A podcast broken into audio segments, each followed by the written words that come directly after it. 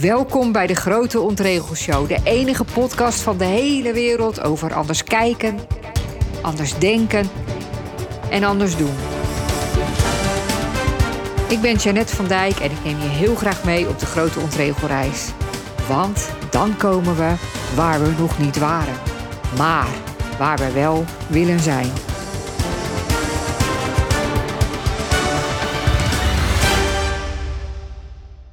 Ja, ik dacht dus ik ga deze aflevering eens even lekker ontregelend beginnen. Anders dan, leuk dat je er weer bent, fijn dat je weer luistert. Maar ik kon niks verzinnen. Ik wist echt even helemaal niks anders. Dus, nou ja, leuk dat je er weer bent. Fijn dat je weer luistert. Ik ben voor deze aflevering op zoek gegaan naar een irritatiemomentje, omdat ik dat zelf een van de leukste rubrieken vind. En ik was hem eigenlijk een beetje vergeten de laatste tijd. En ik heb nagedacht, nagedacht, nagedacht. Ik kon geen irritatiemoment vinden. En toen dacht ik, nou, dat is op zich ontregelend genoeg. Want ik ben iemand die best wat ergernisjes kan hebben over dingen.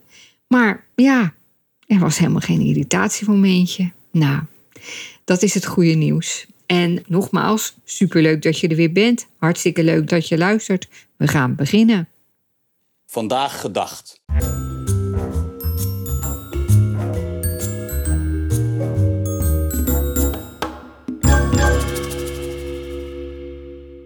Er liep een jongen voor me en die werd ingehaald door een jongen op de fiets. En die jongen op de fiets riep naar de jongen voor mij: hey, gaat het goed?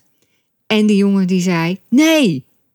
En je zag die jongen op die fiets je zag dat hij haast had. Hij keek een beetje half achterom. Hij remde af. En je zag hem twijfelen. Zal ik afstappen? Zal ik stoppen? Zal ik vragen wat, het, wat er met hem is? En hij reed toch door.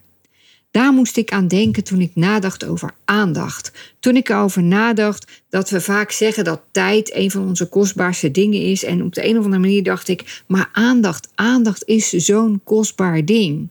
En we hebben het zo weinig. Want hoe vaak gebeurt het niet dat wij zelf een verhaal vertellen of dat iemand anders tegen ons een verhaal vertelt en dat, het dan, dat je dan meteen, of de ander komt meteen met een oordeel, met zijn eigen mening, met een oplossing, met zijn eigen verhaal of het verhaal van de achterneef, van de achterbuurvrouw. Echt luisteren, echt ons in de ander verplaatsen, echt bij de ander zijn, dat komt maar heel weinig voor. We hebben het bijvoorbeeld als het gaat over communicatie en relaties, dat we moeten zorgen dat er diepgang is, dat we op een goede manier moeten omgaan met uh, onze verschillen, met onze oneenigheden, met onze manieren waarop we de dingen doen, waarop we ruzie maken, waarop we alles doen. Maar aandacht is een van de belangrijkste dingen. Aandacht, ik zie jou, zie jij mij. En daarom is het ook niet zo heel moeilijk om een goede coach te zijn. Iemand zei een keer: Je bent al een hele goede coach als je iets meer doet dan een. omdat je iets meer doet dan een lantaarnpaal. Een lantaarnpaal is heel vaak in een mensenleven ongeveer de enige die echt luistert. Zonder met zijn eigen verhaal, oordeel, mening, oplossing te komen. En als coach ben je al snel iets meer, omdat je ook dan actief luistert. Dus je bent niet zo'n statische lantaarnpaal die daar maar staat te staan en het verhaal aanhoort. Maar je kan ook actief luisteren. Vertel er wat meer over. Hoe bedoel je dat? En wat raakt je nou het meest in dit verhaal? En wat gebeurde er met je toen je dit of dat hoorde? Aandacht. De Griekse filosoof Diogenes, die zei een keer: We hebben niet voor niets twee oren en maar één tong. Dit betekent dat het de bedoeling is dat we meer luisteren dan dat we zeggen. Maar vaak zijn gesprekken een soort wedstrijdje in wie het meest interessante uh, kan zeggen, wie het meest uh, grote verhaal heeft, wie het grappigst is, wie het meest weet, wie het meest gelijk heeft. Dat vooral ook. En er wordt maar heel weinig geluisterd. We willen allemaal onze, onze, onze eigen inbreng is super belangrijk. Het is een soort wedstrijdje. En daarom is aandacht zo kostbaar, omdat er weinig van is. Ik heb nog opgezocht van wie die uitspraak is, van dat we twee oren en uh, één tong hebben en dat dat niet voor niks is. En die is dus van de filosoof Diogenes. Nou, die leefde een paar honderd jaar voor Christus in Athene. En ehm, ja, ik ga even vertellen wat, wat, wat, er verder met hem was, want dat is echt best wel een maf verhaal. Hij sliep buiten in een kruik en leefde als een hond. Hij had alleen een jas en een kom en een beker. En wat hij ook deed, nou ja, dat was natuurlijk al bijzonder. Ja, bijzonder hè, dat je in een kruik eh, woont en alleen een jas en een kom en een beker hebt. Maar wat hij ook deed was in het openbaar masturberen. Want uh, dat vond hij het toppunt van onafhankelijk zijn en wijsheid. Ja. ja, ik dacht even eraan van, we denken vaak dat de wereld steeds moderner wordt, maar dat er iemand dat deed in de openbaarheid, nou, hij was een tijd ver vooruit, zou ik maar zeggen. En later is er trouwens ook nog een syndroom, een soort, ja, zou ik het zeggen, een soort ziekte naar hem genoemd, het syndroom van Diogenes. En dat gaat over mensen die zichzelf enorm verwaarlozen, die in een vervuild huis wonen, een beetje Einzelganger zijn en afstand houden van de rest van de wereld. Zijn vaak bovenmatig intelligente mensen. Ik denk dat, dat, dat Diogenes dat ook was. De man die in een kruik woonde en daar waarschijnlijk heel veel luisterde naar mensen. Dus denk wat vaker aan Diogenes. En denk dan vooral aan dat hij heeft gezegd: We hebben niet voor niets twee oren en één tong. De ondraaglijke lichtheid van het ontregelen.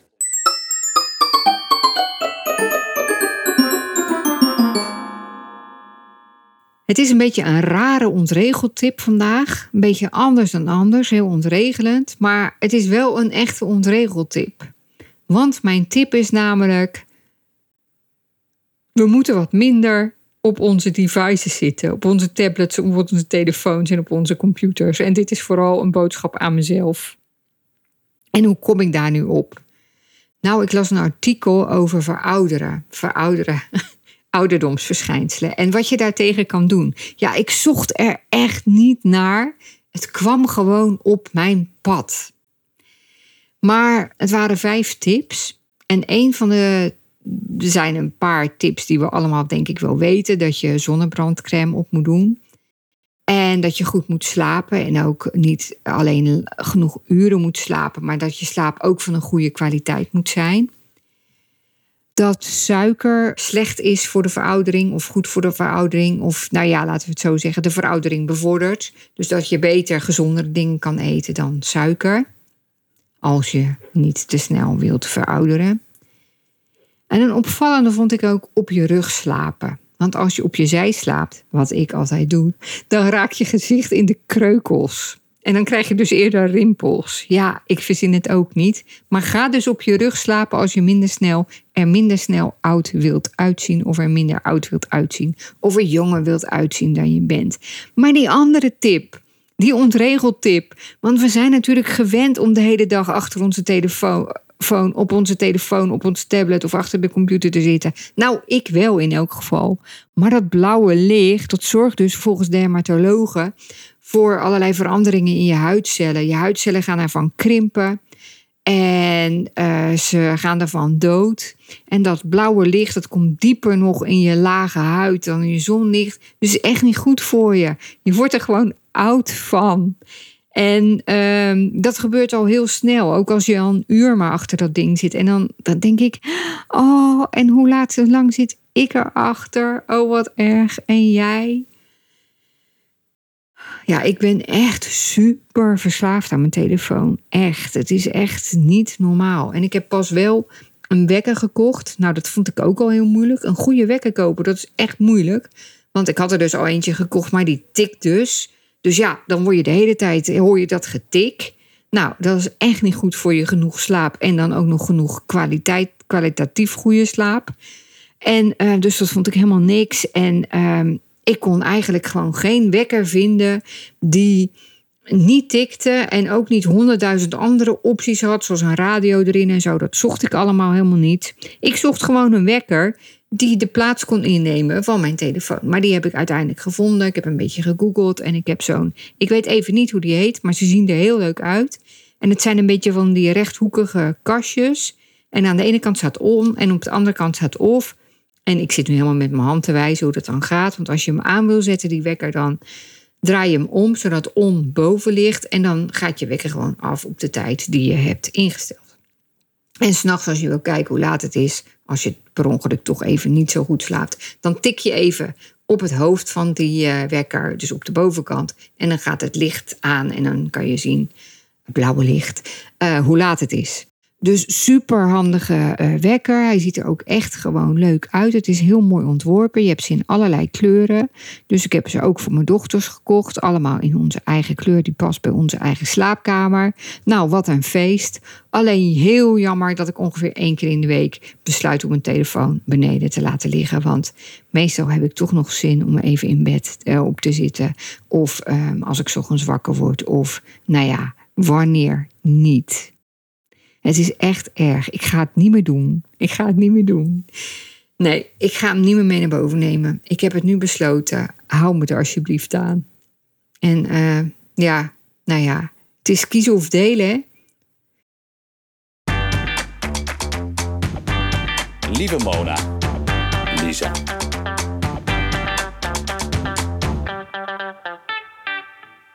Lieve Mona, Lisa moet je elke klant evenveel aandacht geven? Nou, surprise, surprise. Deze vraag was helemaal niet voor Mona Lisa. Deze vraag was gewoon voor mijzelf. Een klant stelde deze vraag. En ik had natuurlijk kunnen zeggen van, ja, weet je, soms heeft een klant aan één zin genoeg en kan die daar enorm mee verder. Je kent het wel, één zin kan je leven veranderen, één inzicht kan levensveranderend zijn, kan heel veel doen. En soms heb je klanten, ja, daar ben je een uur mee in gesprek en dan, dan, dan is nog de kern, ja, is het kwartje nog niet gevallen. Of dan blijft hij toch een beetje tobben met dat ene of met dat andere. Dus ja, uh, het is logisch dat je de een meer aandacht geeft dan de ander soms, maar zorg dat het allemaal wel een beetje gelijk is, dat je niet lievelingetjes hebt of weet ik veel wat. Dat zei ik allemaal niet, want ik dacht meteen aan twee onderzoeken die ik kende. Het ene onderzoek was een proef met ratten. Twee groepjes studenten moesten proeven doen met ratten. Ik weet niet meer precies wat het was, of, ratten veel gingen eten, of hard door eh, poortjes renden, in een bak renden, ik weet het niet meer. Maar de ene groep kreeg te horen: jullie doen de proef met de slimme ratten. En het andere groepje moesten doen met de minder slimme ratten. Nou, surprise, surprise, de slimme ratten haalden veel betere resultaten. Ik moest ook denken aan een ander onderzoek wat een keer is gedaan met leerkrachten. Die kregen aan het begin van een schooljaar te horen welke kinderen in hun klas het slimste waren aan het eind van het jaar bleken die kinderen ook het meest vooruit gegaan te zijn. Zij hadden, leverden veel betere prestaties dan aan het begin van het jaar relatief. Zij ja, hadden de grote sprongen gemaakt. Nou, zeg ik alweer surprise, surprise. Er waren geen slimme ratten. En de kinderen met een hoge IQ waren niet de kinderen met het hoogste IQ, die waren gewoon random aangewezen. In de psychologie noemen ze dit het Pygmalion-effect. Onbewust geven leerkrachten leerlingen van wie ze denken dat die het beste zijn, meer aandacht, meer warmte, meer complimenten, meer en betere feedback dus als ze fouten hebben gemaakt, dan wordt beter uitgelegd wat ze beter hadden kunnen doen, hoe ze het beter, nog beter hadden kunnen doen. Ze krijgen meer en moeilijkere oefeningen en ze komen ook vaker aan de beurt. En dat leidt er natuurlijk toe dat die leerlingen beter vooruit gaan. Want van meer aandacht, meer complimenten, betere feedback, meer oefeningen. En als je vaker de beurt krijgt, ja, dan ontwikkel je je gewoon sneller. En dit is ook naar het gewone leven door te trekken. Want onbewust geven studenten, leerkrachten en wij meer aandacht aan mensen van wie we de hoogste verwachtingen hebben. Dat kan een valkuil zijn voor ouders. Dat kan een valkuil zijn voor managers, leidinggevenden. Dat kan een valkuil zijn bij sollicitatieprocedures. Kan een, een zijn bij vrienden in vriendengroepen. Bij teams, sportteams. Dat je dus altijd als je trainer of leider of, of wat dan ook bent, de meeste aandacht geeft aan iemand in wie je het meest gelooft. En dat kan dus als je coach bent ook het geval zijn. Dat jij net die klant van wie je het meest verwacht, van wie je denkt, nou, die gaat echt uh, als een speer. En dat is mijn favoriete klant, want die is zo goed. En die gaat, ja, die, die, die, die lift jou dan natuurlijk ook op. Want dat is natuurlijk ook wat er gebeurt bij een leerkracht, maar ook bij ouders en bij coaches. Dat je denkt, ja, hoe beter iemand die onder mijn hoede is presteert, hoe meer dat ook op mij afstraalt. Dus het is heel menselijk. Maar het is natuurlijk ook treurig. Want dat betekent dus dat mensen die anderen dat gevoel geven, want het hoeft natuurlijk helemaal niet waar te zijn, dat die daardoor nog meer in, in het voordeel komen. Dus is het erg dat je als coach aan je ene klant meer aandacht geeft aan de andere? Ja, dat is allereerst aan jouzelf te beoordelen natuurlijk. Dat is altijd zo. Maar ik denk dat het heel goed is om te kijken van... heb ik ook last van het Pygmalion effect? Verwacht ik onbewust meer van de een dan van de ander... en geef ik hem daardoor meer aandacht, meer warmte, meer complimenten... meer een betere feedback, meer opdrachten... Uh, besteed ik meer tijd aan hem? Ja, ik word ook wel een beetje... ik hou niet zo van het Pygmalion effect. Omdat ik heel erg denk van dat betekent dus dat mensen die al bepaalde voorsprongen hebben, doordat ze bijvoorbeeld uit een uh, bepaald gezin komen, of er op een bepaalde manier uitzien, of uit een bepaalde wijk komen, dat die dus automatisch ook alweer nog meer voorsprong krijgen. Ja, dat maakt mij dus altijd een beetje treurig. Nou, laat ik een beetje vrolijk eindigen, want het is natuurlijk wel fijn als we weten hoe het Pygmalion effect werkt. Want als we dat niet willen, dan kunnen we er wel heel alert op zijn dat wij niet in de valkuil van het Pygmalion effect vallen. Zie je het? Toch een happy end. Coach tip. Als je me al een beetje kent, dan weet je dat een van mijn lievelingsuitspraken is: Je moet niet alles geloven wat je denkt. Van Eckhart Tolle, van wie ik fan ben. Je moet niet geloven. Alles geloven wat je denkt was voor mijzelf best wel een eye-opener. Ik was ongeveer de laatste op aarde die uh, die uitspraak hoorde. En ik dacht eerst van, gewoon een leuk grapje. Ik nam het niet zo serieus, want ik dacht, ja, hoezo? Je moet niet alles geloven wat je denkt. Wat ik denk is gewoon waar. Maar toen kwam ik erachter. Wat ik denk is wel waar, maar het is niet waar. En je kan ook andere dingen denken die ook waar zijn, maar die je meer helpen. En de laatste tijd ben ik daar weer een soort meer mee bezig, omdat ik zo vaak hoor van mensen dat ze bijvoorbeeld onzeker over iets zijn. Of dat ze denken dat iets niet kan veranderen. Of dat het nou eenmaal bij ze hoort. Of ja, dat ze het niet verdienen. Dat zij dat niet kunnen bereiken. Allemaal van dat soort dingen. Nou, je kent vast zelf ook wel iets wat, waar, waar je zelf gewoon heel erg van overtuigd bent. Dat is niet voor mij weggelegd. Dat kan ik niet. Dat gaat mij nooit lukken. Dat moet ik ook maar niet proberen ik zit hier levenslang aan vast. Dat soort dingen. Of ja, ik kan misschien wel hier beter mee stoppen, want het komt toch nooit goed. Het zijn allemaal gedachten van ons brein. Van een deel van ons brein dat heel erg op de voorgrond zit altijd. Omdat dat nou eenmaal zo werkt.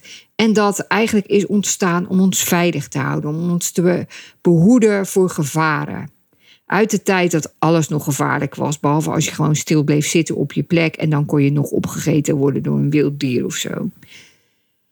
Maar dat gevaar, dat, dat dat veilig houden, dat is nu echt een beetje overdreven uh, bezorgd van ons brein. Ons brein wil nog steeds dat we maar blijven zitten waar we zitten. Want zodra we een stap naar links of een sprong naar rechts maken, kan dat verkeerd uitpakken. Dus ons brein zegt de hele tijd: blijf maar waar je bent, doe maar wat je deed, uh, blijf wie je was. Ehm, verander niet. Probeer niet iets uit. Neem geen risico. Want het kan slecht voor je aflopen. Dat is natuurlijk hartstikke goed voor ons brein. Maar we hebben er tegenwoordig bijna nooit meer wat aan. Want heel veel van die gedachten, die houden ons klein, die houden ons op de plek, die houden ons waar we niet willen zijn. Die maken dat we iets niet kunnen veranderen, ook al willen we ervan af. En dat is het oppervlakkige laagje van ons brein. En daaronder zit een veel onbewuster stuk waar we vaak niet bij komen, omdat ons brein dat tegenhoudt. En dat is het stuk waar, waar, waar, waar ons verlangen zit, waar onze diepe wensen zitten om, om het anders te doen. En je kunt daar dus, je kunt je gedachten ontregelen. Je kunt echt bewust kiezen voor gedachten die je meer helpen om bij je doel en bij je verlangen te komen. Want dat het niet gaat lukken is even waar als dat het wel gaat lukken. Want heel veel van die gedachten van het oppervlakkige brein, die, die voorspellen een soort toekomst. Ik kan niet veranderen, dit gaat me niet lukken, dit loopt misschien verkeerd af. Dat weten we helemaal niet. En daarom zijn die gedachten niet waar. En daarom kan je ook net zo goed, maar liever nog beter kiezen voor gedachten die wel helpen. Ik weet niet of ik het kan, maar ik ga het wel proberen ik zie wel dat dit een grote stap is, maar ik kan ook proberen uit te komen met allemaal kleine stapjes. Het is me nooit eerder gelukt, maar dat betekent niet dat het me niet, nooit gaat lukken. Of, maar ik ben nu echt wel heel goed bezig om het wel te gaan doen. Natuurlijk is het eng om hier weg te gaan en weet ik niet of ik het ergens anders beter heb. Maar ik neem nu wel het besluit om hier weg te gaan, uit deze situatie weg te gaan. Want als ik hier blijf, weet ik zeker dat het niet beter wordt. Je moet maar eens opletten welke gedachten jou in de weg zitten. En het lijkt alsof ze je niet in de weg zitten. Maar uiteindelijk, als je voelt wat je echt wil, dan kom je erachter, ze zitten me wel in de weg. En toen ik het pas met een vriendin over had, toen zei ze: Ja, ik word hier eigenlijk alweer een beetje. Uh, ja, wat zei ze nou voor woord? Ja, een beetje ja, irritatie had ze ervan. Van wat, wat, wat, wat is dit allemaal voor gedoe? Je kan, als je iets wil, kan je beter maar gewoon afspreken met jezelf dat je het gaat doen. Maar je moet maar eens opletten hoeveel gedachten je hebt die niet waar zijn, maar die je wel in de weg zitten. En wat een opluchting het is als je bedenkt je hoeft niet alles te geloven wat je denkt. Want je kunt ook wat anders denken. Iets dat evenveel of even niet veel waar is, maar dat je verder helpt. Een helpende gedachte, niet een gedachte die je tegenhoudt, maar een gedachte die je helpt. En ik gun je zulk soort gedachten. Dus zoek ze eens op, is mijn ongevraagde advies van vandaag. Vandaag gelezen. Ken je dat, dat je ineens je iets afvraagt? Nou, ik vroeg me ineens af, wat, is eigenlijk, wat zou eigenlijk de best bekeken TEDx-talk zijn? Ja, ik vind TEDx-talks heel leuk. Niet dat ik nou echt wekelijks uh, er eentje kijk of zo, zou ik wel willen doen. Maar daar denk ik nooit aan dan weer, heel jammer. Kost misschien ook een beetje veel tijd, hoewel ze maar 18 of 20 minuten zijn. En um, ja, je hebt er weer een device voor nodig natuurlijk. Hoewel, je kan ook uh, er gewoon alleen naar luisteren. Daar hoef je niet naar te kijken. En dan uh, heb je dat blauwe licht niet zo op je laten schijnen. Op al je cellen. Maar goed, ik vroeg me dat gewoon af. Nou, ik kwam er dus achter dat de best bekeken TEDx-talk is van Sir Ken Robinson uit februari 2006. 7 miljoen keer bekeken op het kanaal, kanaal van TEDx en op YouTube 5 miljoen keer. Nou, dus bij, bij, uh, op, op, op het YouTube-kanaal is er weer eentje bijgekomen. Namelijk die van mij, want ik heb hem bekeken. Ik had hem al een keer bekeken, bedacht ik, merkte ik toen ik uh, hem weer keek. Maar waar gaat hij nu over? Hij gaat over het onderwerp: maakt het onderwijs creativiteit dood? Nou, die Sir Ken Robinson, die staat er een beetje slungelig bij. Maar hij heeft wel hele leuke droge humor. Uh, grappig is dat hoe dat werkt. Ja, je moet eigenlijk kijken om dat effect ook te zien. Maar goed, hij zegt dus, ja, we onderwijzen kinderen voor een toekomst die we helemaal niet kennen. De kinderen van nu, kinderen die nu zes zijn, die moeten over 60 jaar werken ze nog. En wij weten niet eens hoe de toekomst er over vijf jaar uitziet, hoe de wereld er over vijf jaar uitziet. Dus hoe moeten wij ze klaarstomen voor over 50, 40, 30 jaar? En dat weten we dus ook niet. Dat weten we op de hele wereld niet. Want ongeveer op alle scholen op de hele wereld worden kinderen vooral onderwezen in wiskunde en taal. Dat zijn eigenlijk overal en al heel lang de belangrijkste vakken.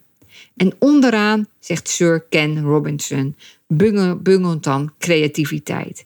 Met nog wel een beetje aandacht voor beeldende kunst, tekenen, schilderen en muziek, maar voor drama en dans eigenlijk niet. Alsof, zegt hij, dans niet even belangrijk is als wiskunde. En hij haalt dan Picasso aan, die heeft gezegd: Iedereen wordt geboren als een artiest.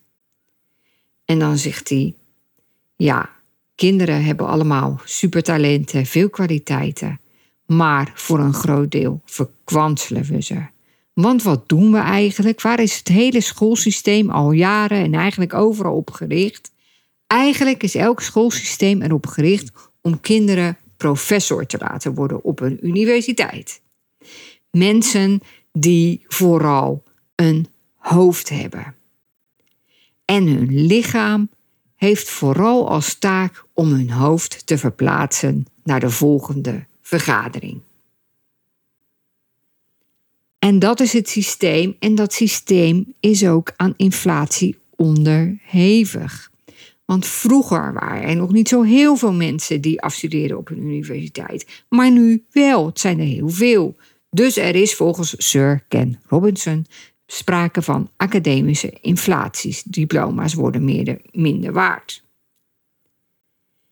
Maar ondertussen is dat schoolsysteem al honderden jaren gericht op kinderen opleiden, kinderen vooral met hun hoofd bezig laten zijn, kinderen opleiden tot professors, hoogleraren. En kinderen die niet geschikt zijn voor dit schoolsysteem, die bijvoorbeeld niet stil kunnen zitten, die krijgen eerst het stempel en dan medicijnen tegen bijvoorbeeld ADHD. Terwijl zij bijvoorbeeld heel goed kunnen dansen, terwijl zij leren terwijl ze bewegen.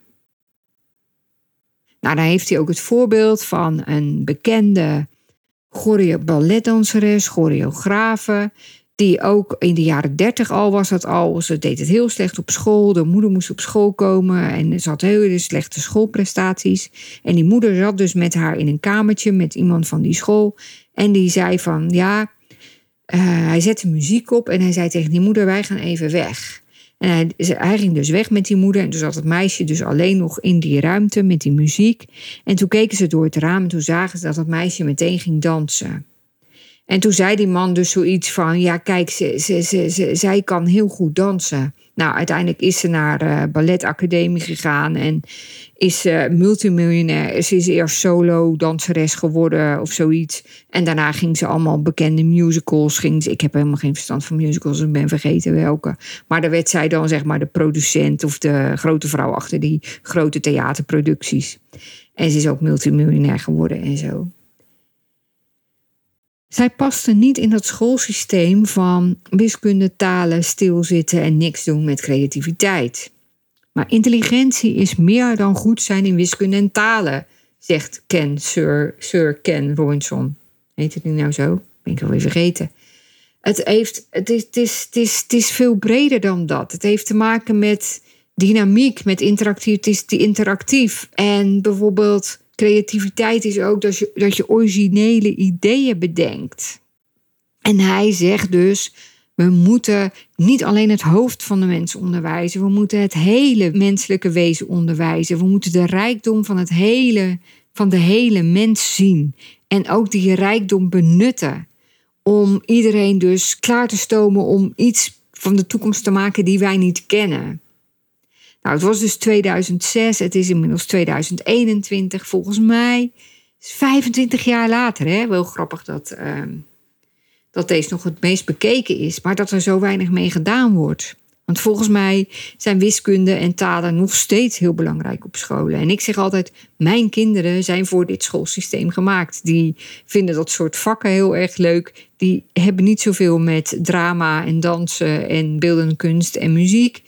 En uh, ze kunnen ook heel goed stilzitten. Dat konden ze al vanaf groep 1. Um, ja, ik moet even denken. Maar ik heb wel altijd gezien, zij zijn hier geschikt voor.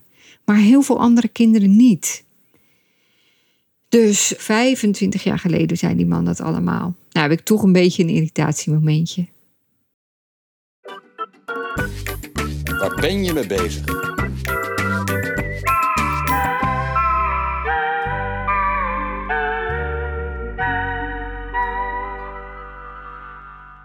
Eerste wat ik even wil zeggen is dat ik nog een andere podcast heb. Hollands Next Topcoach, de podcast. Daar zijn, staan inmiddels 50 afleveringen op die allemaal over coachen gaan. Coach-tips, coach-achtergronden, coach-feitjes, coach-dingetjes.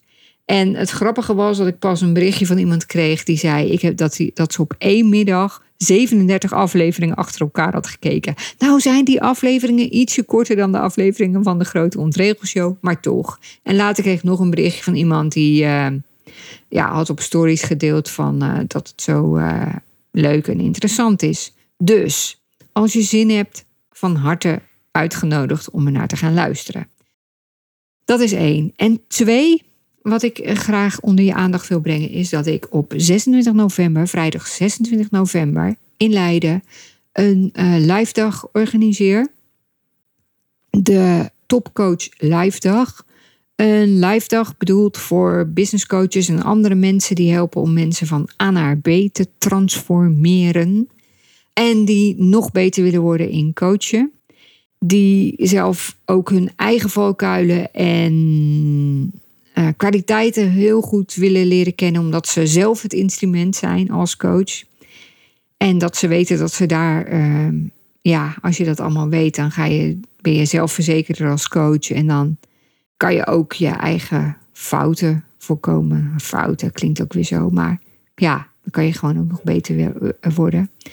Het wordt volgens mij een hele leuke dag, een hele waardevolle dag, een hele mooie dag. Dus als je erbij wil zijn, of als je er meer over wil weten, kijk dan op mijn website. Dat is een speciale pagina over de Topcoach Live Dag. En wil je sowieso met mij in contact komen omdat je iets wil vragen of iets meer wil weten over het programma dat ik aanbied, of dat je een vraag hebt voor lieve Mona Lisa, dat kan natuurlijk ook.